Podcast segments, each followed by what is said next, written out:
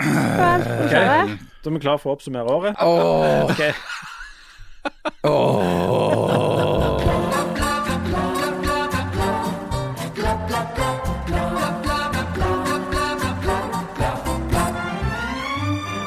Da var det på tide å oppsummere 2021 for et episk drittår det har vært. Galninger i USA, korona koronavalg, jordskred, vaksineshow, massedrap og strømregninger som tar knekken på oss. Men på den positive sida Nei da, har ingenting positivt å si. Nada, null, niks om 2021.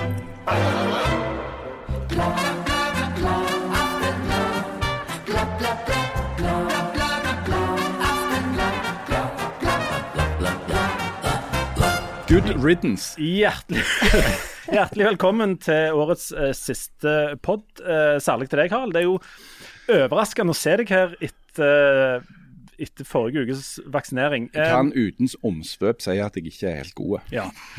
Eh, Men det er jo bra. Det tyder jo på at det, Ja, det mot alle odds finnes det et slags immunapparat i deg. I et anfall av hybris så gikk jeg opp på det der vaksinesenteret i forrige uke og ba om å få Moderna rett i hovedpulsåra. Og det fikk du. Og det gjorde jeg av mor til Camilla. Oh, ja. Jeg kom inn, så, jeg, så jeg, det er jo sånn Dere har jo vært der, sant? Ja. Dette var jo min tredje gang, da. Kommer du inn, må stå i kø, må stå akkurat en meter, det er veldig nøye. Sant? Det er ikke noe tull der oppe på det vaksinesenteret. Munnbindet på, alt klart. Du må ha alt klart, legitimasjon, før du kommer fram til luka. Det er sånn omtrent som å være hos han suppenazien i, i Seinfeld når du skal gå opp der. OK, jeg hadde alt klart. Fikk jeg lov å gå inn. Ble geleida inn litt bruskt, gjorde litt feil. Et par ganger sto på feil Det er jo sånne gule prikker du skal stå på, så sto jeg på feil prikk. Fikk kjeft for det.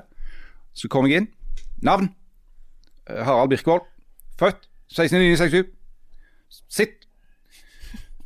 Og så, hadde, og så Da oppdaget jeg at jeg hadde glemt å ta med genseren. Måtte jeg ta genseren. Da ble det vel gang. Så ble det gang, vet du. Pleier det å gjøre når jeg tar av meg noe. Og så sier hun nå er dere for lov til. Hæ? Er dere for lov til? Jeg bare... Nei. Nei, OK. Nei, og så sier hun Jeg pleier ikke å sette den i øynene. Så sier jeg OK. Forsvaret kommet inn i vaksine. Ja, så hva Nei, så mente du på rypa, da. Som jeg har der på det du skulle sette sprøyta, så er det jo et, en fugl. Ah. Sett den i hodet heller, sier hun. Ja vel, sier jeg. Og så sier hun Jeg er mor til Camilla. Så du jobber med? Så det var mor til Camilla som satte sprøyta. Ikke i øynene, da, men i hodet. Ja, hvor satte du den, da? Satte den i hodet på Ja, men hvor? Å, jeg har på på rypa, min, ja. min em, venstre overarm. ja. Men det var jo ikke det verste. Altså, eller det, det er jo, Du ble gjenkjent, rett og slett. Uh, men, og dette har, jo, dette har jeg fortalt før, men jeg har jo òg blitt gjenkjent som han der i, Fått det spørsmålet Å, er ikke du han i, i bladet? Og det var jo når jeg ble sterilisert. Når Det lå- gjorde jeg òg når jeg ble sterilisert. Når jeg lå på benken der i, i en nokså sånn ydmyk eh, stilling, Ja. og der, eh, der det sykepleieren som egentlig sto og kikket en helt annen plass, plutselig kikket meg i øynene og sa 'Å, er ikke du han fra bladet?' Akkurat det samme skjedde med meg når jeg skulle gjøre akkurat det. Og det var såpass, ja. Ja. Og det er akkurat det spørsmålet du ønsker å få når du ligger der såpass bar. Og dette var til alt overmål på bursdagen min. Det var på min 8- eller 49-årsdag. Så lå jeg der i den stillingen. Og så, så viser det seg at han, han kirurgen som skulle ta det, foreta dette inngrepet, han òg hadde bursdag den dagen. Hæ? Ja. så koselig. Så lå vi litt og snakket om det. At det var sånn han og meg feirte min bursdag og hans bursdag. Og så, eh, som en liten sånn rosin i pølsa, da, så sa han det er vel greit at det kommer inn en liten gruppe med sykepleierstudenter og, og ser på mens vi holder på. Og da hadde jo jeg fått bedøvelse og all, slags valium og sånn, så jeg sa ja, ja, ja, kom igjen. Ja. Så det var han og meg og så åtte-ni sånne sykepleierstudenter som holdt på med dette. Dere var en hel gjeng. Vi var en hel gjeng. Ja, koselig. Men du, du, du ser jo overraskende godt ut etter denne eh, vaksinen. Og vi Jo, takk. kom jo i skade muligens for å nevne deg litt etter du gikk sist gang, men Jeg har bare hørt Fader ja, altså. det, Men, men uh, vi skal ikke henge, henge oss opp i det. Og vi, vi, Vi liker jo ikke å snakke om folk når de ikke er der. Nei, nei, Det er akkurat det vi ikke gjør. Og, og vi er klar for å gå videre. Ja, vi er klar for, hvis du er klar for å gå videre Jeg er ikke altså, klar for å gå Nei, videre. men vi er veldig klare, og det er tre mot én. Um, så så vi jeg, jeg tror rett og slett vi, vi går videre. Um, Janne, nå skal vi oppsummere 2021. Hva vil du si har preget dette året? Og vil du si dette er en brannfakkel, at det har vært litt annerledes? Det som er gøy, det er jo når folk eh, skal ha et eller annet sånn på en scene eller foredrag eller noe, og så begynner de med det. Og da bare Da får jeg blackout med en gang. Ja, de begynner med Det har jo vært litt annerledes i år. Jo, men altså, jeg husker dere den der filmen, den der, den der um, den filmen, vet du, som jeg ikke husker navnet på akkurat nå, Ja, men den, som ja, ja, handler husker om. Ja, en den svensk med gutt. Dustin Hoffman. Og så sier han hver gang det er noe grusomt, så sier han at han måtte jamføre. Ja. Mitt liv Tenk på hund. rømhunden Laika. Ja. Og hvis du jamfører 2021, som vi alle her er enige om var et episk rævår, mm. med 2020, så lurer jeg på om ikke 2020 på mange måter òg var et Eller kanskje var et enda verre år. Så sånn sett så var kanskje 2021 litt For eksempel, hvor var du ikke i 2020, Janne? ja, jeg var jo ikke i Hellas. Hvor var du i 2021? Eh, ja, jeg var i Hellas. Ja, hos det- Stavros. Ja, men det som jeg kan si, det er at for jeg leste på nettet at eh, hvordan hele denne covid-perioden har liksom tukla med måten vi opplever tid på. Sånn at det eh, Før så tenkte vi jo på tid som lineært, eh, og vi følte liksom vi beveget oss videre hele tida. Men eh, når coviden har lagd så mange sånne rom hele tida, eh, så, så, eller lagd en sånn en sirkulær bevegelse, så, så klarer vi ikke helt å forholde oss til tid lenger. Sånn at det, er gjerne- Groundhog Day. ja, det er litt sånn Groundhog Day, men det er òg en sånn følelse av at tida går veldig veldig fort, samtidig som man står helt stille. Sånn at, og, og så vet du gjerne ikke helt hva dag det er alltid, og så begynner du å tenke ja, men når var det covid begynte egentlig, og så tenker du tilbake. Jeg syns det er så vanskelig. Jeg syns 2020, 2021, det er bare liksom én sånn en stor eh, smørje for meg. Det er det er Groundhog Day, kan jeg faktisk avsløre. Ja. Fordi at jeg har gjort lekser før denne innspillinga og hørt tilbake på, den, på de episodene som vi lagde for akkurat ett år siden, altså i romjula i 2020 og i januar i 2021, der vi både så tilbake på 2020 og spådde for 2021. Og når vi så tilbake på 2020 og det denne episoden kommer til å bli, kommer til å høres ut omtrent akkurat den samme, Ja. som den samme episoden. Ja. Det, er- det er skikkelig ground, ikke hog day, men groundhog year. Men altså. eh, altså, Groundhog Day, det, eh, hva er det for noe? Vi markerte aldri det på Hommersåk. Nei, Groundhog Day, det Er er jo, er jo en, en film med Bill Murray som vel baserer Fins det en Groundhog Day? Eller finnes Altså Det handler om Jeg tror det er en fiktiv ting, men det er liksom handler om en by en eller annen plass i USA hvor de feirer Groundhog Day, som er den dagen jeg tror om våren, når denne her Hva er en groundhog? Det er en sånn jordekorn eller et eller annet sånt. Kommer opp av bakken. Eh, ut, kommer ut fra vinterdvalen. Ja. Og så, og så er jo, så er, så det er den dagen, og så, og så er det da det som er litt kanskje ikke så realistisk, det er at Bill Murray, eh, som jo er en av verdens beste komikere, han spiller en mann som der tida begynner å gå i loop, så han våkner opp og så er det den samme dagen hver eneste dag.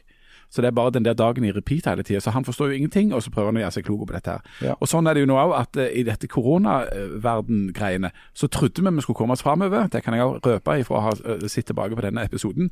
Vi trodde at vaksinene skulle ha fiksa en hel del ting. At vi, vi trodde både det ene og det andre som vi skulle komme tilbake til. Og så ble det veldig mye repetisjon. For det Ja. som vi jo i praksis har gjort nå, er vel å leve i snart to år i unntakstilstand. Og unntakstilstand er jo ikke meint å vare så lenge, er det det? Nei. Det skal jo være være nokså kort, ja, nok korte perioder, har jeg hatt inntrykk av opp gjennom oppveksten. Og, Husker jo det når, når Erna Solberg eh, gikk opp på, på, foran mikrofonen den 12. mars i 2020. Så sa jo hun at nå var tiden kommet for å innføre de mest inngripende tiltakene i Norge siden krigen. Eh, og Krigen var jo en slags unntakstilstand som varte i fem år. Men siden den gang så har det jo ikke vært noe som ligner. Eh, med tanke på hvor mye reguleringer, hvor mye begrensninger, hvor mye kontrollregime, hvor mye usikkerhet. Eh, det har ikke vært noe lignende noen gang. Ikke, ikke i mitt liv og ikke i Men skal si hva som er fordelen med at ting gjentar seg? Det er at hvis du f.eks. prøver å opptre som orakel, eller som klervoyant, prøver å se inn i framtida, så er det mye lettere eh, å spå rett når ting bare repeterer seg sjøl. Mm, det er sant. Så for å gå litt inn på hvem vi faktisk spådde om dette året, så var det sånn at i året før, så når vi da skulle se fram i, i kula, så bomma vi omtrent på alt fordi at vi jo ikke så at denne greia kom, Nei. altså coviden. Men eh, blant de spørsmålene vi tok stilling til for akkurat ett år siden omtrent, altså i januar for 2021, var vil det komme flere lockdowns. Der tippte vi ganske rett at det vil komme flere sånne nedstengninger. Da levde vi altså i Rundt jul der så kom det noen enormt sterke innstramminger. Da var vi på en måte tilbake igjen. Da hadde det åpna litt opp. Etter den første, eh, etter det først stengte ned på våren, så hadde det åpna opp litt på sommeren. Og så var det skikkelig slegga da på vinteren. Ja, visst. Der vi, eh, Det lærte vi av. sånn at når vi satt og spådde, så, så tippet vi òg at eh, det kommer til å komme flere tiltak. Det fikk vi rett i. Vi tippte òg om hvorvidt Janne kom til å kunne reise til Hellas, til Stavros, Oi. den sommeren. Sånn. Det var da litt splitt i laget. Jeg husker ikke hvem som spådde hva, men, men jeg tror vi tippte Vi sa at det var usikkert, men at, vi tippte at hun skulle kunne komme seg eh, av gårde. Og det skjedde Det var en fin tur. Så i sum så er det to rette av to mulige, faktisk, når det gjelder korona. Det var, det var faktisk ikke dårlig. Men eh, hvis vi kikker litt tilbake, husker dere hvordan vi innleda dette året? Og altså, i, Tidlig i januar der så var der, eh, skjedde det ting som eh, ja, jeg på ingen måte har, hadde glemt. Jeg kom bare ikke på at det var i år. Men eh, det var jo lite grann show borte i USA. Vi satt og så på så jeg, Det mest dramatiske jeg i hvert fall har sett på TV siden eh, 9-11. 6. januar. 6. januar. Og vi spilte inn vår episode med spådommer 5. januar. Altså dagen Var det noen av oss som spådde at eh, det kom til å bli storming av Kongressen i USA? Ingen av oss spådde det, men et av spørsmålene i vår egen framtidsquiz var kommer Donald Trump til å gå fredelig av, eller kommer det til å bli baluba? Vi spådde unisont han kommer ikke til å gå fredelig av. Han kommer ikke til å innrømme at han har tapt det valget. Det kommer ikke til å gå fredelig for seg. Igjen, jeg syns vi skal søke jobb som clairvoyante. Ja, og dette overrasker meg enormt, for det at jeg er jo, som alle vet, tror jeg, verdens dårligste spåmann. Men nå har jeg altså rett på to ting, da. Det er Ikke verst. Og vi har fått mer rett enn jeg skulle ønske vi hadde fått. For da satt vi og viste til at, at 70-80% av de republikanske velgerne på det tidspunktet trodde Donald Trump i at han faktisk hadde tapt valget. Nei, nei, at han faktisk hadde vunnet valget, Ja, og at det hadde blitt eh, tatt ifra han. Og det har jo ikke kommet seg borti der. Og det har ikke blitt mindre polarisert. Eh, Joe Biden har ikke klart å samle eh, USA. Ehm, det går ikke så bra der borte på noen som helst måte. Nei. Og I tillegg så går det jo ikke bra i den forstand at Joe Biden får jo ikke gjennom politikken sin. Nei. Janne, husker du, eh, var du en av de som ble satt lim til TV-en når dette greiene skjedde? For det var jo noen helt absurde TV-bilder. Ja, det var det. Det var kjempeskummelt. Og jeg bare Ja, det var litt sånn eh, bare se på TV-situasjon.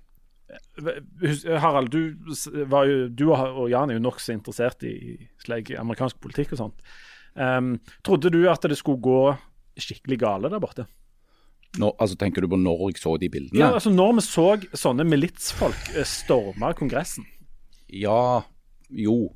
Samtidig så, så var jo altså, I den grad det var noe positivt med hele det der spetakkelet, så var det jo at faktisk at de var jo ikke bevæpna, heldigvis. Hvis de hadde vært det, så hadde de jo blitt aldeles gale.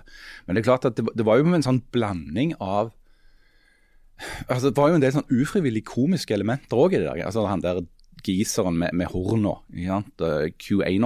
ikke Eh, som gikk rundt der. Altså, det, det var jo en form for eh, Det var noe veldig sånn teatralsk ved hele opptrinnet.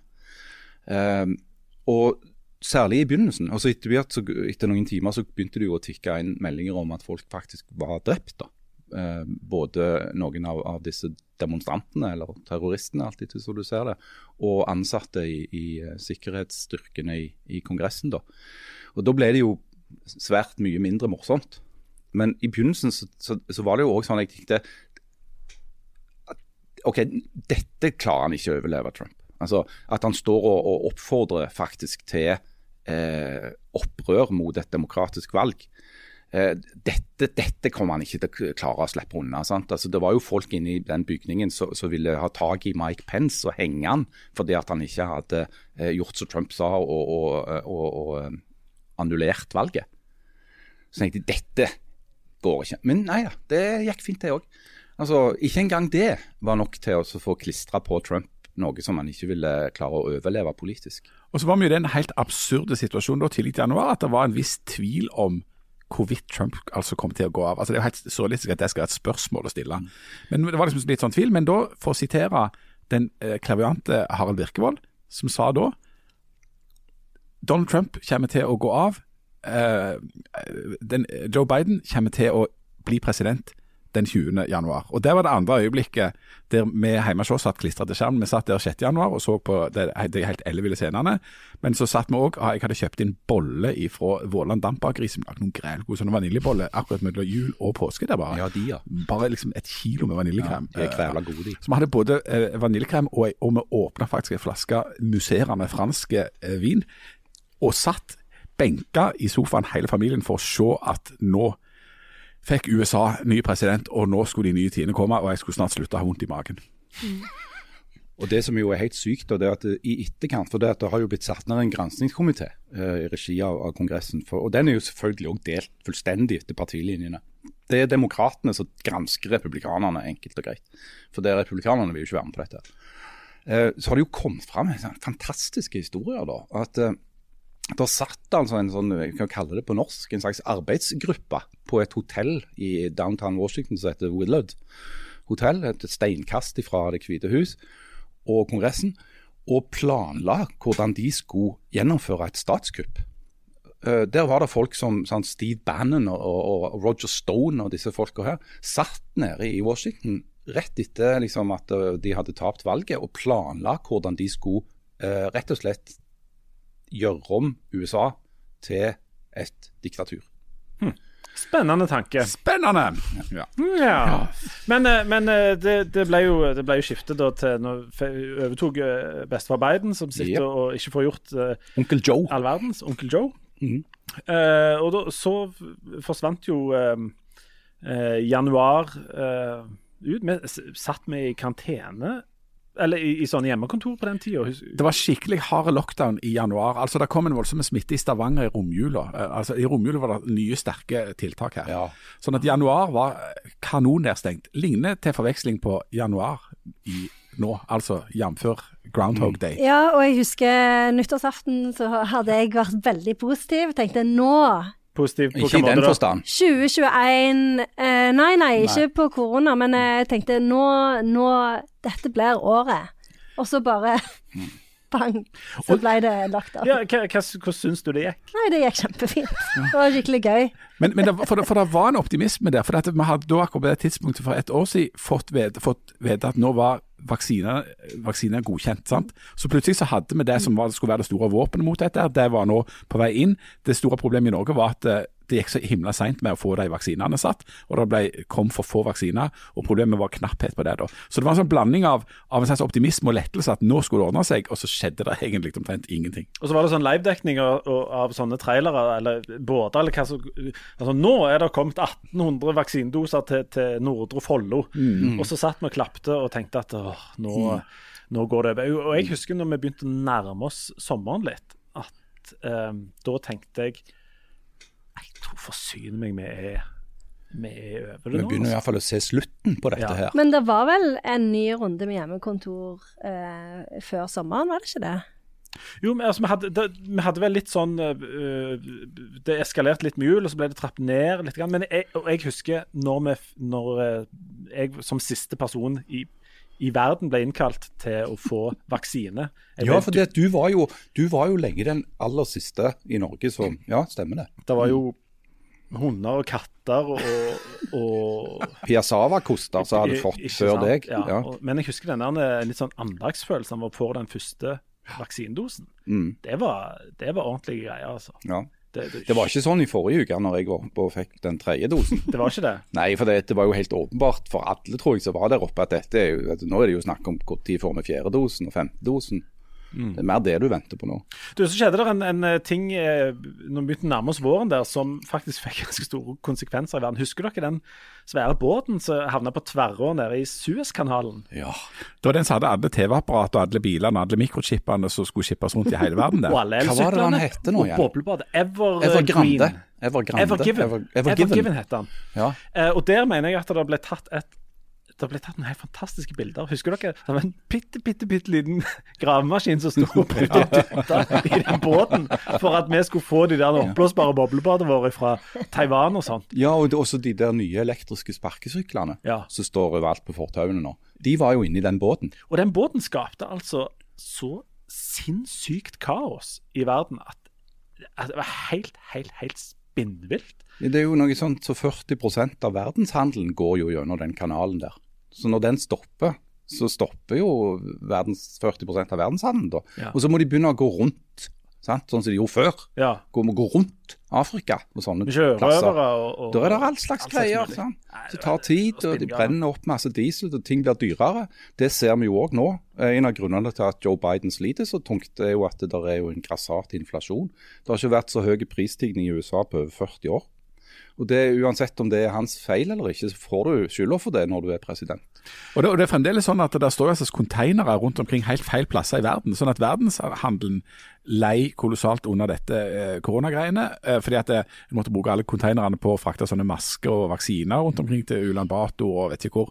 Eh, så, så, så hele dette systemet er litt sånn skrudd. Så alle som prøvde før jul å få tak i en PlayStation 5 eller noe sånn litt sånn elektroniske dippedutter, får beskjed om at ja, nei, det er litt sånn, det er tomt på lager, vi vet ikke når vi får noe igjen. Så det er en mangel. det. Sånn et konkret eksempel på det rett før jul. Jeg skulle kjøpe noen julepresanger, og så var det noen i familien som hadde ønsket seg en spesiell type glass.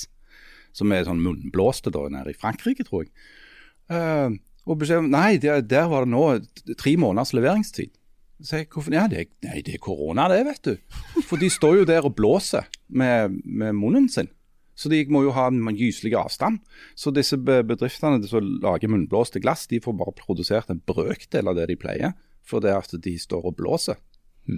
Det, det er mye folk rundt i hele verden, i Afrika og nedover innover Syria. Det er også som venter på disse munnblåste De glassene. Og De det er jo det er jo derfor det er så mye sjau der nede. Ja ja, det stemmer det. Husker dere forresten at det var en, eh, en oppblussing i konflikten mellom Israel og Palestina i, på vårparten?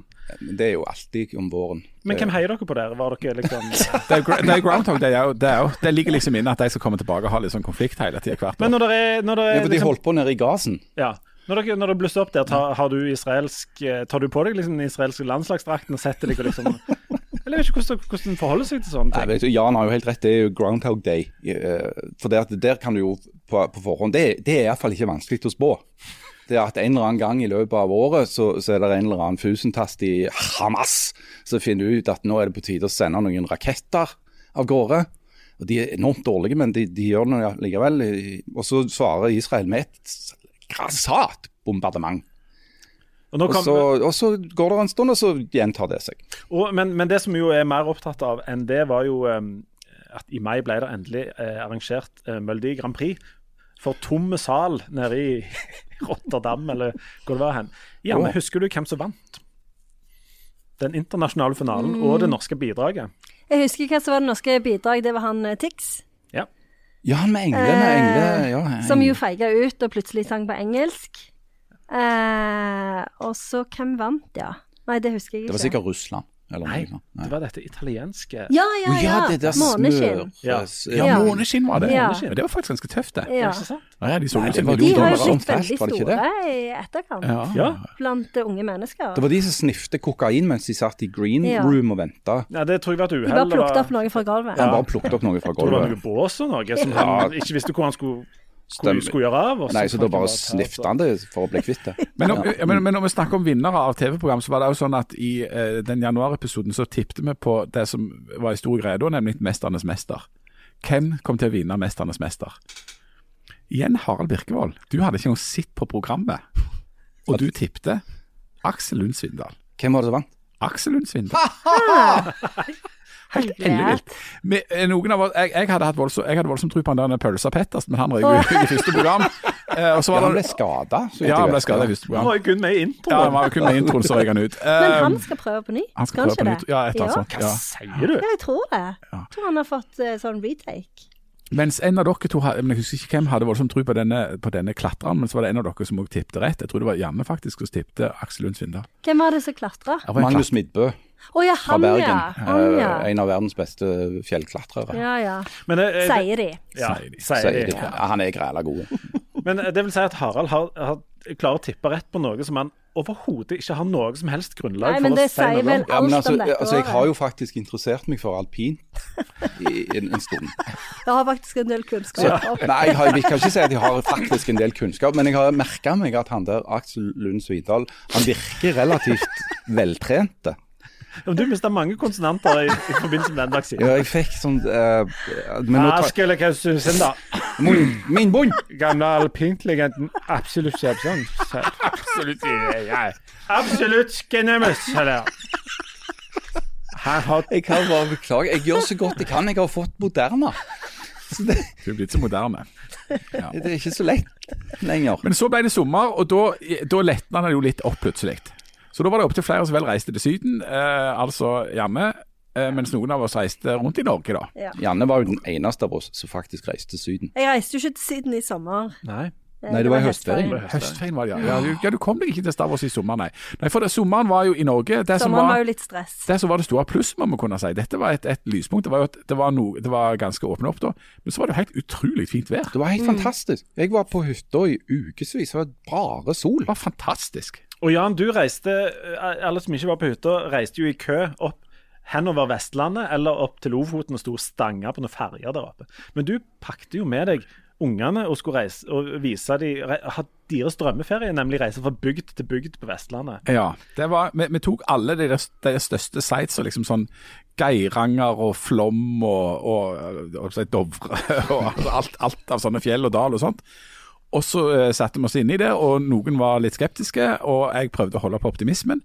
Og så ble det under over alle under en fin tur, og de spydde ikke og ble ikke bilsjuke og var ganske blide.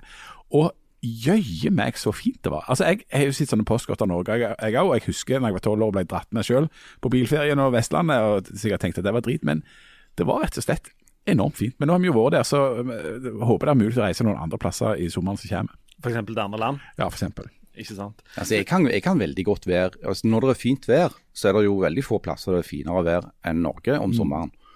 Mm. Bortsett fra det er kanskje litt dyrt og sånn, men, men drit i det. Sparer Eh, den flybilletten. Ja, eh, og så kan du heller reise til det der utlandet eller Syden eller en sånn plass når det er drittvær her, som jo er resten av året. Ja. Eh, den sommeren så ble det òg arrangert et, eh, et år forsinka sommer-OL. Um, og det er jo sånn som en sitter og følger med på. ikke sant? Var det sommer-OL i år? Det var sommer-OL i år. Hvor da? Jeg husker det. I Tokyo. Ja, det skal, derfor, Kan ikke huske Går det ikke midt på noen Det var da noe varmt, sånn at det, maraton måtte de ha på natt og sånn. Men eh, OK. Jo, han vant jo, han Ingebrigtsen. Ja, og nå kommer, nå kommer quizen. Skal vi se hvor mye dere har fulgt med. Eh, hvor mange medaljer tok, eh, tok Norge? Vi tok, vi tok i hvert fall, hvert fall to gull. For det var jo han Ingebrigtsen, og så han det var det han Jeg kan røpe at vi, tok, vi fikk åtte medaljer. Oh, ja. Og hvis ja, dere tok, klarer altså, Ingebrigtsen disse, vant. Ja. Og de sandvolley, Ja. hva heter det? Mol og Sørum Var det ikke en vant. sånn en triatlon-type som vant? Jo, veldig bra. Triatlonen Og vant. så årets friidrettsutøver i verden. Ja, han der som Eh, sprang Warholm Karsten vant. Warholm. Han har jo jeg sagt allerede. Har du sagt det det? Jeg sa jo han før Jo, bare spol tilbake, så får dere høre det. For han fikk to gull, og det var jo Var ikke det Jakob Ingebrigtsen og Sandvalo? Nei, også de sandvolley. Vi tok, tok, ja. Fikk gull. Skal vi ta det om igjen? Dette er jo Groundhog Day. vi tok fire gull, og dere har nevnt alle. Ja. Men Jeg kunne alle. og, og, ja, jeg vil gjerne høre sølvmedaljene òg. Nei. Disse bør dere klare. Håndball. Nei, det var bronse. Oh, uh, De tre som står igjen, klarer dere aldri, så jeg kan bare si de. Det var Kjetil Borch i roing, Eivind Henriksen i sledgekast og Herman Thomasgaard i seiling. Hei. Nå sparte jeg mye tid. Nå eh, Det gjorde du. Det gjorde du. du. Og bronsene, da? Eh, Håndballjentene. Ja, det var han i seiling, og så var det håndball, um, håndballjentene som uh, fikk det. Ja. Men det var jo et mirakel at de fikk arrangert dette her. Uh, og et uh, Ja, for det, at nå husker jeg plutselig en ting. Og Ja. Det var at japanerne de ville jo ikke ha OL, Nei. men så måtte de. Det måtte. For det viste seg at Den internasjonale olympiske komité Jeg klarer ikke å snakke lenger, men Den limponasjonale kanelyleske med det komité. ja, de, Ja. de bestemmer over f.eks. sånne land Ja. som heter Japan eller, eller sånn. Det er faktisk den impoløsiske komiteen som bestemmer. ja. Det visste ikke jeg før i år. Nei. Det er noe nytt jeg har lært. noe nytt du har lært. Rett etter vi var ferdig med OL, så eh, for å liksom holde stemningen oppe, så kom jo FNs klimarapport. Den var lystig. Husker dere hvor mange gull Norge tok i den? Var det åtte? Vi gjorde rent bord. Vi gjorde rent bord. Og der, der kom det jo noen anbefalinger fra disse som holder på med FNs klimakomité og de. Og Ja. det var jo f.eks. at vi må slutte å holde på i Ja, Norge. vi må slutte å holde Ja. på. Ikke mer olje eh, ifra Slutt med det. f.eks. i går. Ja. Eh, og det fikk jo den konsekvensen i Norge at vi sa at den diskusjonen tar vi gjerne, men norsk olje må vi fortsette med. Men dette må vi koble på litt sånn timing, for dette kom helt i starten av valgkampen.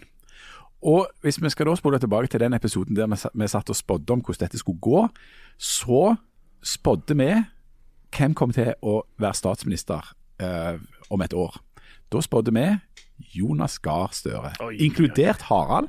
Vår analyse var at sannsynligvis kom det til å bli en regjering som gikk ut av Arbeiderpartiet og Senterpartiet med støtte fra SV, Nei. sa vi. Sa vi det? Sa vi for ett år siden. Eh, vi spådde at det, det ikke var nødvendigvis fordi at Arbeiderpartiet kom til å gjøre det så himla godt, men fordi at Senterpartiet kom til å gjøre det så godt. Og så kom eh, Erna til å ryke fordi at sentrumspartiene kom til å gjøre det for dårlig til å komme inn.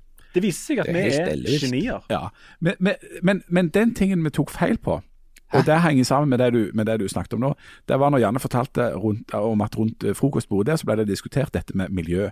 For alle tippet, inkludert oss, at det som kom til å bli den store saken, det kom til å bli miljøspørsmålet. Og det er Sånn så det iallfall ut når denne rapporten kom. Så alle var jo helt bombesikre på at MDG kom til å gjøre det kjempestort, og at det ble et miljøvalg. Det gjorde de jo ikke. Og det skal vi snakke mer om. Bare ta en liten rask pause, så er vi øyeblikk bak.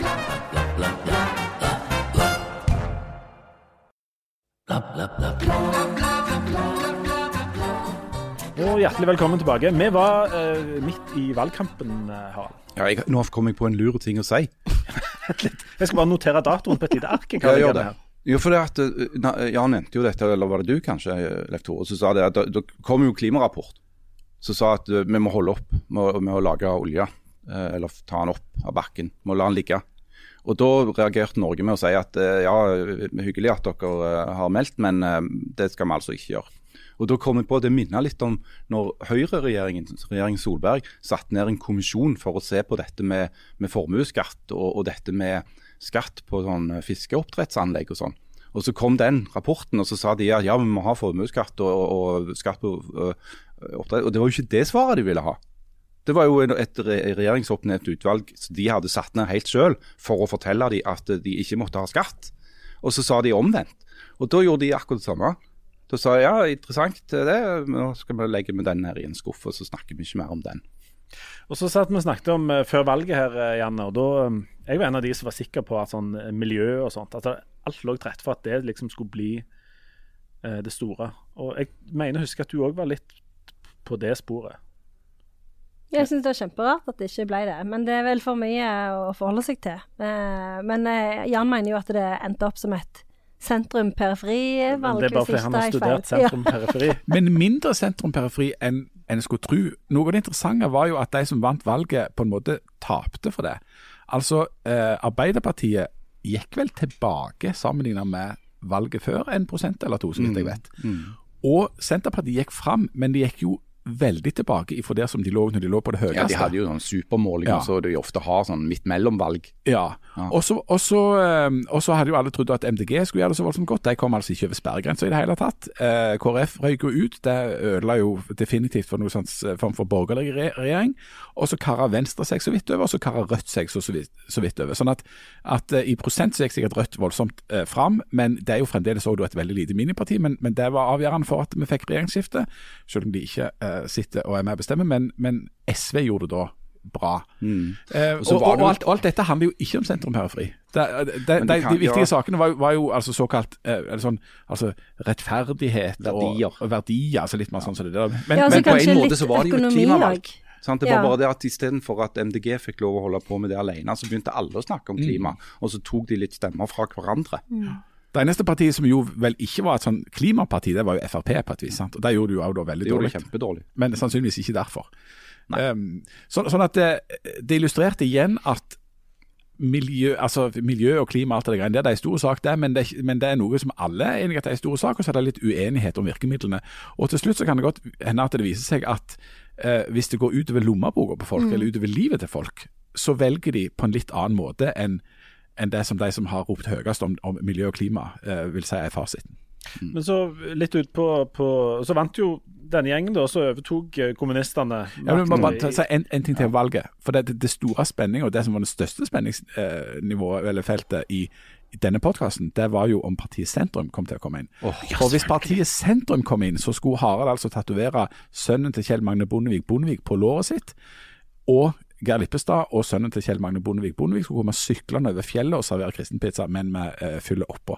Og det må vi vel kunne si at det som er vel det gylneste øyeblikket i hele det året vi akkurat har lagt bak oss, det var når vi var på Arendalsuka og møtte Kjell Magne Bondevik, sønnen til Kjell Magne Bondevik, Bondevik. og, Bondevik, og sønnen til sønnen til Kjell Magne Bondevik. Bondevik, Bondevik. Bondevik, og tok et bilde med de tre i lag med Harald, der de sto og pekte på det som ser ut som låret til Harald Birkegaard. og Det langt føles oppe på låret. Langt, Det føles langt litt oppe. som en sånn en eh, Prekestolen detter ned hvis syv søstre gifter seg med syv brødre. Det er sannsynligvis det bildet som er grunnen til at vi nå sitter i Det, det var det som utløste omikron. Ja. Men jeg tror det, var, det må ha vært årets høydepunkt. Ja. Ja, det var iallfall årets høydepunkt for meg. Forteller det, forteller det noe om året eh, totalt sett at det var årets høydepunkt? det, er, altså, det, det er ikke det at det ikke er flott. et det var jo et stort øyeblikk. Altså, det, altså, Kjell Magne Bondevik er jo ikke noen hvem som helst. Han er jo tidligere statsminister, og nå er han den som skaper fred over hele verden, eller ikke da. Men uh, kanskje du eh, altså, skal ikke gjenskape hele øyeblikket, men når dette forslaget om å ta dette fotografiet ble lansert for Kjell Magne Bondevik, hva, altså, hva skjedde rundt dette? Er, altså, han, han reagerte jo med en, en viss frykt eller bestyrtelse på at, eh, at det ble kasta frampå. Men, men sønnen til Kjell Magne Bondevik, Bondevik var veldig entusiastiske. Og det var vel han og, og barnebarna, altså sønn til sønn til Kjell Magne Bondevik, Bondevik, Bondevik, som fikk gubben da med på dette forslaget. Og jeg stilte jo selvfølgelig min kropp til disposisjon. Jeg, jeg, tror ikke, jeg tror ikke Kjell Magne Bondevik forsto helt hva som skjedde, og vi ga helt opp å egentlig forklare det. Altså, så det var sønnen til Kjell Magne Bondevik Bondevik som fikk han med på det, og bare sånn, bare vær med på dette her, du. Og så, ja, og, og dette ligger igjen da, dette ligger på, på Instagram, så det er bare å spole litt tilbake der, så finner dere det. Eh, I tillegg så var jo vi med på en selskapslek i regi av partiet Sentrum Det var i moro Grimstad. vi sprang rundt på en plen. eh. Jeg skjønte aldri helt hva vi skulle gjøre. Det, det var det ingen av oss heller som skjønte. Det eneste jeg er helt sikker på, at det er at dere jukser, og at jeg er den, eh, den egentlige vinneren av den konkurransen. Men, Nå som jeg har fått litt på avstand, så skal jeg innrømme at jeg juksa litt. men det, jeg skjønner at det var vanskelig, siden reglene var svært uklare. Men, De var det. eh, det ja, okay, ok, Sentrum eh, kom jo da ikke inn, så overtok uh, Støre og kommunistene. Mm. Uh, og så har de putla på, og så eh, I høst så hadde vi òg noen sånne flotte øyeblikk der vi gjenåpna samfunnet. Både spontant og sånn planlagt. Den, I Stavanger hadde vi jo to gjenåpningsfester. Den ene når det faktisk ble gjenåpna, og den andre mer godt planlagte, som var tima inn mot litt nærmere nedstenging. ja, november, uke november det. Da når, når landet er på sitt vakreste og, og mest eh, imøtekommende Ja, det, var, det var et flott eh, arrangement. Ja, og De måtte tjore fast ungdommen som sto på torget og hørte på noen som spilte musikk. Og alle forsto at uh, innen ti dager nå så er det full lockdown igjen. Ja, for Du hørte jo ute i, i menneskemengden så hørte du jo hostingen og dødsrallingen fra de første tilfellene av omikron.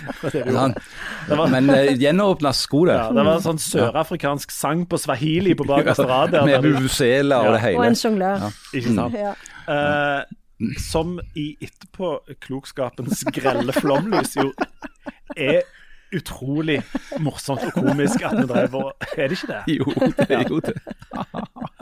Janne, var du med på noen av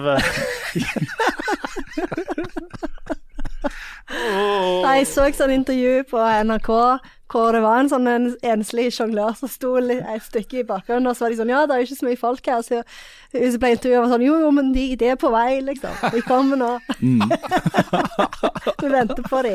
Men det er jo dette folk har drømt om i et helt år, å se noen sjonglere Ja, det er kjempegøy. Men det er det, det mindre, er det en, tre plussgrader. cirka en måned siden vi hadde Vi hadde jo den feede med, altså når jeg sier med, så mener jeg Aftenblad. Altså når det både Den spontane gjenåpningsfesten, det var jo når Bent Høie hadde liksom Han klarte ikke å holde seg lenger. Han måtte bare gjenåpne dette landet før han gikk av som helseminister. Eh, og Da hadde de jo allerede tapt valget, så han hadde jo ikke så mye å tape. Så da åpna han opp, og så ble det jo baluba og, juballonger nede i f.eks. i Fargegata. Og da var jo Aftenbladet på pletten, ikke sant. Ah, sånn, vi klarte det! Endelig! Sant? Kos og klems, og nå skal vi danse i gatene og stå på. Men alle trodde jo på en måte, eller de iallfall fikk seg til å tro på det. Det var tingen, da. Og det må vel også, Vi må vel også si det at det var jo rett å åpne samfunnet på det tidspunktet. Fordi Med at den, det var med den kunnskapen Ja. de hadde, ja. ja, fordi at det var jo ingen grunn til å holde dette nede akkurat da.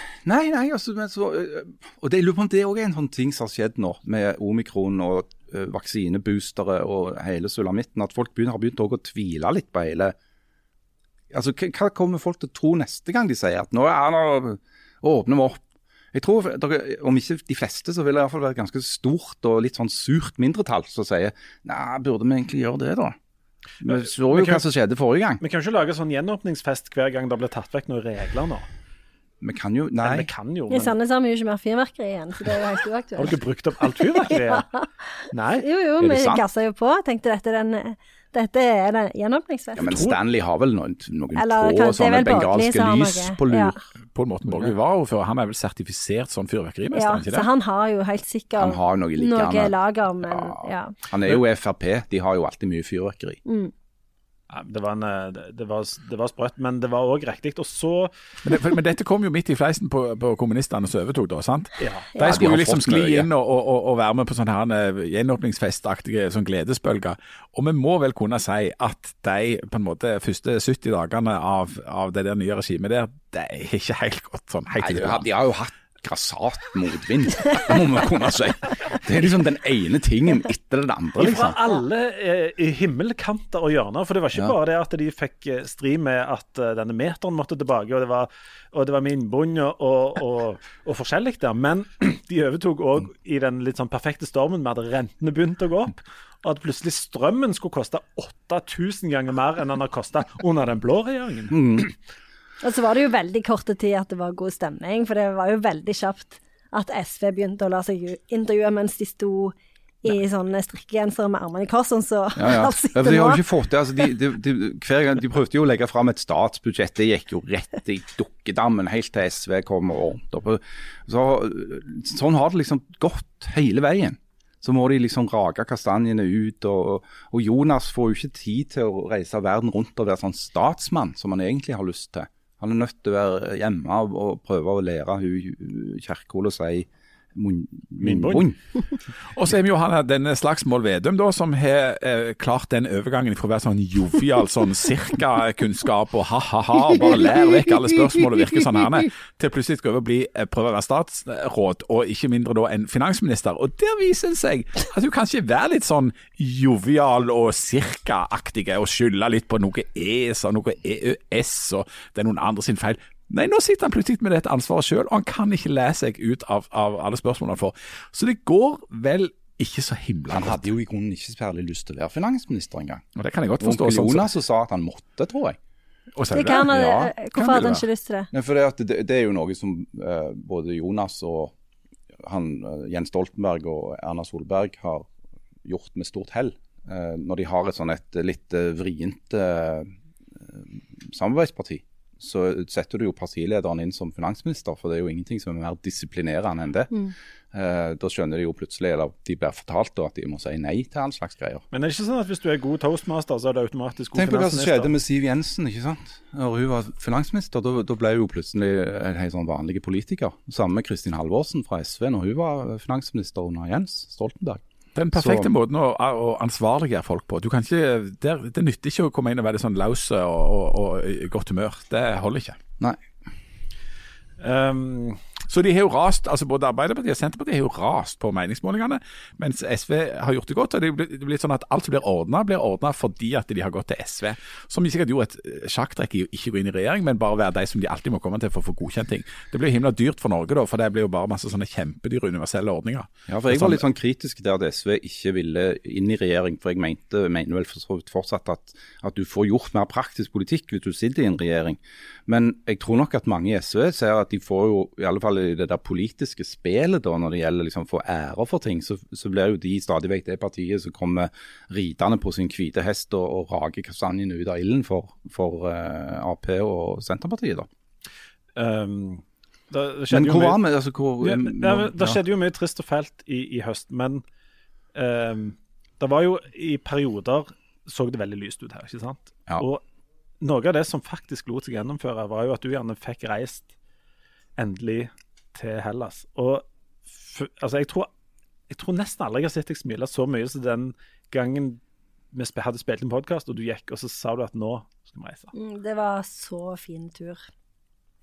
Det var det. Eh, det var Selv om eh, det var jo veldig mye vær i Hellas. Det var jo eh, Dere hadde jo litt sånn jordskjelv og Ja, vi hadde det, og det regna jo, eh, og ha hagla og eh, så, så det var jo sånn advarsel for det, fra det greske sivilforsvaret. Så, så, men det, det gikk kjempefint. Jeg husker Ja. det den eneste gangen jeg har tatt, sittet hjemme og sett på værmeldinga og tatt bilde av av eh, værkartet over Heraklion, eller hva det var for noe.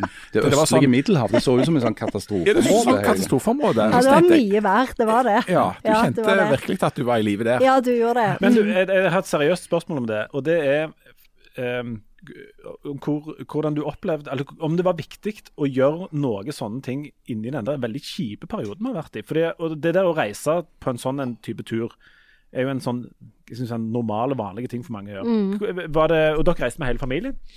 Hvordan var det å faktisk ta, få et sånt avbrekk fra denne elendigheten? Det var jo eh, eh, Det var jo veldig fint, for du, det er jo eh, selvfølgelig en sånn en luksusting å kunne reise på ferie, men samtidig så får du jo Vi er jo, vi er jo en nasjon som reiser mye, så det, eh, du får en sånn følelse av underlig følelse av normalitet da, av å gjøre det. Og det er jo det eh, det, det som jeg syns sånn, som privatperson, så syns jeg det er så vanskelig. da. du uttaler deg ikke på vegne av universitetet? nå? Nei. Nei okay, Nå snakker jeg som privatperson. Ja, ok. Eh, at det er eh, Det er jo den der avveiningen hele tida om du skal liksom eh, prøve å leve så normalt som mulig og leve med viruset, eller om du skal liksom gå for full nedstengning og ikke gjøre noe, ikke treffe folk, holde deg hjemme.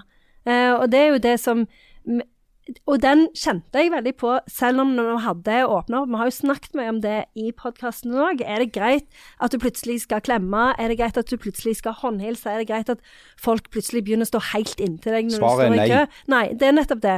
Men, men, men så det er jo liksom det der med at du lever jo hele tida med, med viruset, så, så det er jo viktig å altså, Men det, jeg syns den balansegangen er veldig vanskelig, uansett om det er lockdown eller gjenåpning. Og det, og det er jo en plass vi er annerledes da enn for ett år siden når vi satt og spilte inn. At at det i større og større grad er et spørsmål om hvordan vi skal leve med dette viruset og leve med denne uh, at, det finnes, rett og slett. Um, og Der opplevde en jo da i høst at selv om en på en måte åpner opp, så opplevde jo f.eks. kulturlivet at det var omtrent umulig å selge billetter. Altså Det skulle liksom gjennomføres en masse julekonserter, men det var veldig mye dårligere salg eh, på veldig mange av dem. Um, og som tyder på at folk var forsiktigere enn det som var de offisielle eh, retningslinjene. Og det er, jo, det er jo virkelig vanskelig å manøvrere seg inn i det og se om vi etter så lang tid har liksom lagt om hovene våre eller vanene våre, sånn at vi er forsiktigere eller holder oss mer hjemme eller gjør ting som vi ikke ville gjort for to år siden fordi at vi er redde for dette viruset, eller skal bidra til at det, det ikke blir mer smitte. Jeg har en spådom. Jeg tror det vil ta en stund før vi på en måte kommer ut av det der igjen.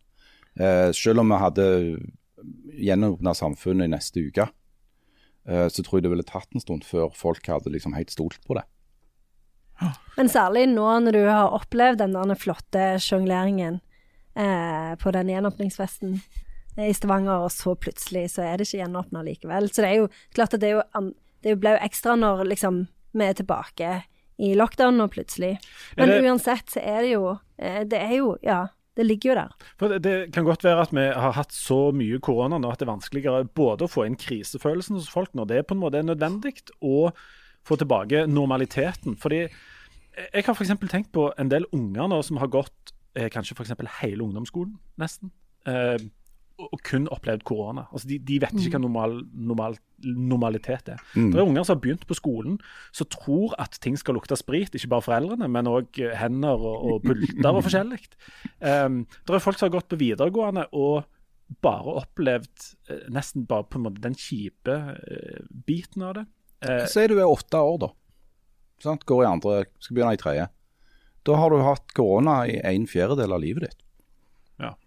Og, og, og det å, altså vi, vi som har levd eh, litt lenger enn det, kan jo huske Vi vet jo hva som er normalen, da. Men det er ganske mange sånne ting som, gjør, som har gjort dette til noe annet enn en unntakstilstand. Som har vart så lenge at vi har fått nye vaner på ganske mange områder. Um, og, det, og, og vi er antageligvis ikke ferdige med det ennå. Skal Nei. ikke vi begynne å spå Nei, nei, riktig nei, det skal vi gjøre neste uke. Ja. Uh, neste uke skal vi prøve å spå. Vi har jo Vi, vi har jo vist oss å være aldeles enormt gode til å spå. ja, Har vi ikke det, ja? Ja, og Jeg, nå- føl, jeg føler at når vi spår riktig, så er ikke det et bra tegn. Så jeg håper at vi, Ja, er når vi skal begynne å spå, at vi spår bare feil. Sånn at nå når, Jf. dette med at uh, Harald snakket om at vi var så enormt gode på å spå, så skal jeg komme tilbake da til For nå har vi spådd veldig mye rett. Nå er det på tide å komme tilbake til det som kanskje ikke er så bra, da. Um, uh, kjapt så, så var vi innom om hvorvidt det ville komme medisinerutdanning i Stavanger, og hvorvidt de andre universitetene kom til å væpne seg for å hindre det. Det tippte vi det, ja, det, kom et uklart tips om det, men der fikk vi sannsynligvis rett. Men så var det da altså dette med hvem vinner nobelprisen i litteratur. Å, der husker jeg jeg hadde Endelig. Der var det litt forskjellige Ja. tips. Der eh, holdt jo professor Drangsholt et langt eh, innlegg om mange forskjellige navn som vi ikke hadde klart å stave om, vi hadde fått betalt for det. Så han Karusiva. Eh, det var Karusiva Karusiva og burde få en hvert år for seg. masse sånne ting. Men der det endte med at eh, Harald tippte på Murakami etter at egentlig først Janne hadde snakket om det, og så tippte eh, Janne Husker du hvem du Eh, tippte? eh, kan det være han eh, Nguiva Tiongo? Han var det sannsynligvis. Ja, han burde jo fått den. Ja, jeg Kurkarava. Kiongo, men det var noe Ja, ja. Kiongo, jeg. Eh, Du tror jeg tippte Jon Fosse, og jeg tippte Graham Green. Graham Green er død. Ja, det påpekte dere da òg. Jeg sa at eh, hvis det er en god nok anledning, så står han nok opp igjen. Han er han er jo den store forbigåtte, så, så plutselig så ser vi han. Eh, hvem var det som vant, Janne? Herligheten husker jeg Han heter Gupta eller noe sånt. Eh, nå husker jeg ikke hva han heter engang. Britisk eh, Født på Zanzibar. Ja. Eh, Tanzania. Tanzanianer, Ja. et eller annet sånt. Jobber på universitetet i Kent, kanskje. Et eller annet sånt. Jeg husker jo heller ikke hva han heter, men det viste seg at Aftenbar var jo de, de eneste som hadde, som hadde anmeldt bøkene hans, og han har vært Ja. her på Kapittelfestivalen. Ja. Så vår sjef eh, Tar Låno, han ble oppringt av NRK, for han var den eneste eksperten. Den eneste som Eneste han hadde intervjua han. Og han kommer jo eh, til eh, litteraturfestivalen i Lillehammer, eller på Lillehammer, neste år. Ja. Og det siste spørsmålet vi stilte eh, forrige år, det var blir 2021 erotikkens år? Ja, eller var det ikke mer sånn at vi slo fast at det kom til å bli det? For det, Du sa 5. januar at du allerede var lei. og at dette definitivt ikke kom til å bli erotikkens år. Noe som fikk oss til å lure på hvor mye erotikk du allerede hadde opplevd i 2021, siden du allerede var lei. De to, to første ukene i 2021, det var et, et, et fyrverkeri. Ja, ja. Eh, Harald var sikker på at det kom til å bli erotikkens år. Leif Tore sa at eh, ambisjonen for 2021 var å gå ned til bare én gang til dagen. Så hvordan gikk det? jeg skjønner ikke hvor dette her med erotikken år kommer ifra engang. Jeg kan si at eh, vi er på vei til å nå målet, men vi er ikke helt der ennå. Uh, og nå tenker jeg at dette er et familieprogram, og det begrenser hvor mye i detalj en skal gå. Men eh, fruktene av hjemmekontor er jo tilgjengelighet og mikromobilitet. Eh, og, og det åpner jo for eh, Det er et mulighetsrom der. Eh, Hvis jeg ikke hadde vært for den helsikes hjemmeskolen. ja, selvfølgelig. Så, men men eh, vi, vi har, jeg har jo som nyttårsforsett i år òg at vi skal komme ned til, til maks én gang til dag. Ja. Men nettopp Abdul Razak Gurna. Ja, det var det. Abdul Razak Gurna fra Tanzania. Men um, en interessant ting som jo må kunne si er et slags lyspunkt i dette drittåret, det er jo at det viste seg å slå til nettopp det med den økte tilgjengeligheten, og det at en er mer hjemme og må være mer i lag med hverandre. Da ble jo plutselig fødselsboom. Altså fødselstallene gikk opp som en konsekvens av at vi har ligget hjemme. Og at det var erotikken. Men eh, Altså, så, ja, så noen har jo tydeligvis hatt erotikk. erotikk. Jeg klarer ikke å sikre det. Og det er den der moderne vaksinen. Ja. Det Så går litt utover diksjonen. Men, eh, men, eh, men du vil ikke kalle det erotikkens år? Eller det, det, det har ikke stått i kun erotikkens tegn Altså, Hjemme hos oss er det jo erotikkens år hvert år. hvert år, ja. Akkurat. Ja. Og Jan, har du bidratt til å øke fødselstallet, du? på... Det har jeg absolutt ikke bidratt til. Nei. Du har jo eh, hatt flere uker isolert nede i den kjelleren deres enn du egentlig har hatt oppe. Um, Ja, jeg det. Og nå, eh, ensomhet utelukker jo ikke erotikk, eh, uten å På gå i ingen detalj. måte. Men, men um, Autoerotikk. Fins det et ord, det? Ja, det fins. det ja. det. Det er et finere ord for at det er på automatikk. Nei, Det er Nei. vane. Auto er deg sjøl, altså, eller av seg, sjøl, eller Ja. ja. Kjærlighet volder meg ingen kvaler. Jeg elsker meg selv og har ingen rivaler.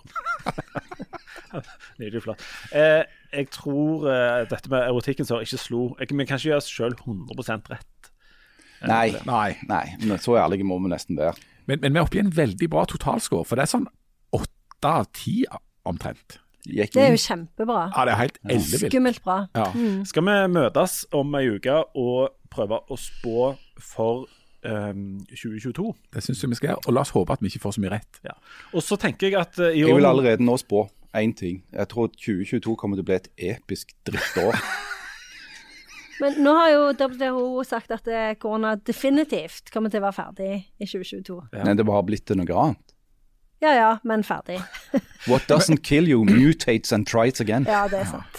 Men, eh, men vi, må ha, komme, vi må komme med litt uh, djervere spådommer enn at det blir sånn som det var i fjor. Ja, mer eller det- mindre. Ja, ja, men Vi må skal litt- prøve. Ja, men Vi må lage lister. Vi skal, Ja. vi skal Lage lage Ja. Men hvis vi skal, når vi nå skal eh, sette kroken på døra på dette episke drittåret um, Hvis vi skal gi det et, et terningkast 2021 Terningkast null. Det går ikke an.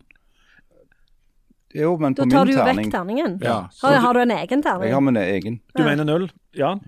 Ja, Jeg vil gi det en sterke toer. Akkurat. Gjerne. Jeg fikk jo reist til Hellas, da. Ja. Det var jo veldig fint, som sagt. Bortsett fra det med jordskjelv og, og Ja ja, men du, vi, vi lever jo. Nei, men vet du hva? Det var så god sommer at jeg høynet til tre pluss. Ja. Tre pluss. Ja, det var faktisk en veldig fin sommer. det er sant? Det er toer. To år. Ja. Fordi at jeg tror, når vi får dette litt på avstand, som det heter, så tror jeg vi vil se at det var ikke full katastrofe. Det var bare et sånn et år som vi egentlig kunne satt en strek over uten at det hadde betydd noe fra Når vi sitter her om et år, Ja. sant, i syvende lockdown, så kommer vi jo til å mimre om 2021 Ja. og hvor fantastisk det var. ja. Og drømme om å få lov Husker dere på strømmen kosta bare 8,50? Ja. Husker, dere, husker dere butikkene våre åpne av og til? Ja, ja. Men forskjellen på 21 og 22 Nei, jeg mener 20, 2021 er jo litt òg at 20, da var jo folk sånn sprang maraton på balkongen sin og lærte seg å slå hjul og rydde til rydda postbudet kjøkken og sånn. Ja. Ja. Mens i 21 så er det mer sånn fuck you. Det er ingen som har lært seg en ting. Fordi I 2020 var det applaus. Ja. Eh, Nå er det mer eh, en middelfinger. Forfall. Sant? Men Og nå har folk sånn slutta fullstendig å dusje. Ja. Personlig hygiene er jo bare en, et fjernt minne. fordi når vi ser på 2020 nå, så var det noe litt spennende med hele dette Ja, koronagreiene. det var det. det var nytt, og det var ganske eksotisk. Det er jo litt dumt med alle som dør og sånt. Det er det jo alltid, det er ikke som når det er krig og sånt. Men det var, det var et eller annet litt sånn spennende. Jeg husker når vi satte oss ned og skulle se på disse pressekonferansene, så var det alltid litt sånn Oi, hva kan det være denne gangen? Mm. Nå er det sånn når det varsles pressekonferanse, så får du jo lyst til å bare gå ut i garasjen og, og Ja. Men, men eh, og, og jeg tror at 2021 kommer til å bli Nei, 2022. Å nei, 2021. Beklager. Ja. 2021 kommer til å først og fremst bli huska som et veldig kjedelig og stusslig år. Det er, min, eh, det er min siste dom. Altså en veldig, veldig, veldig svak trier. Men kan jeg si én ting til om Det kan du. 2021? Fordi jeg kom på for Kåre Willoch døde jo. Eh, og da hadde de jo en del sånne oppsummeringer om Kåre Willoch. Og det syns jeg var veldig gøy å tenke på, at det var han som gjorde sånn at det, Eller fikk eh, Fikk det til, sånn at butikkene kunne ha åpent lenger. Jeg hadde glemt at det var så utrolig strengt for at du måtte handle melk før klokka fem. Så det, ja, så det, det var litt kjekt å tenke på. Så jeg syns det var litt, var litt sånn eh, herlig eh, mimring når Kåre lagt døde. Men nå, nå er det sånn at de kunne vært åpne, men de er stengt likevel. Ja ja, de er jo det, men, eh, men de har lov. Ja, Ja. teoretisk Ja. Er det kommunistene som har bestemt at det skal være stengt? Det, det er kommunistene, ja. Fine folk. Ok, Før dette blir en ren sånn hyllest til, til Kåre Willoch og slakt av kommunistene, så tror jeg vi skal, vi skal gi oss. Men eh, eh, da har vi en, eh, en date om ei uke. De, Mhm. de av oss som, eh, som lever. Så får du, Harald, Ja, jeg får se det litt an. an. får se, får se Ja. litt an. Jeg syns du nå det er, skal, Vi liker ikke å snakke om folk som ikke er her, Nei. men hvis du ikke er her neste uke, så um, må du ikke ta det ille opp hvis vi nevner deg. Eh, vi prøver å, å snakke fint om skal, deg. jeg skal du aldri mer gå ut av dette rommet før du har trykt på den av. For det var jo ganske mange minutter igjen når du eh, forlot Fy rommet. søren, altså. Ja, vi måtte noe måtte vi snakke om. Ja, det var, vi hadde jo ikke temas. Nei. Nei. Men uh, en av de tingene vi gjerne må tippe på, det er hvor lenge Harald uh, varer i eh, 2022. Og uten å røpe noe, så kommer mitt tips til å uh, slutte med ebruar. så tar vi det derfra. Dere får godt nyttår, og så Nei, det er for tidlig å si det. Ja, vil du si takk for det gamle? Takk for det gamle. Det er ikke nyttår ennå. Husk min innbundet. Du ser jo litt sånn eh, Jeg er ikke god. Ser litt drosjen ut, altså. Nei, jeg er litt Men, eh, russen. Ja, ja. Åh.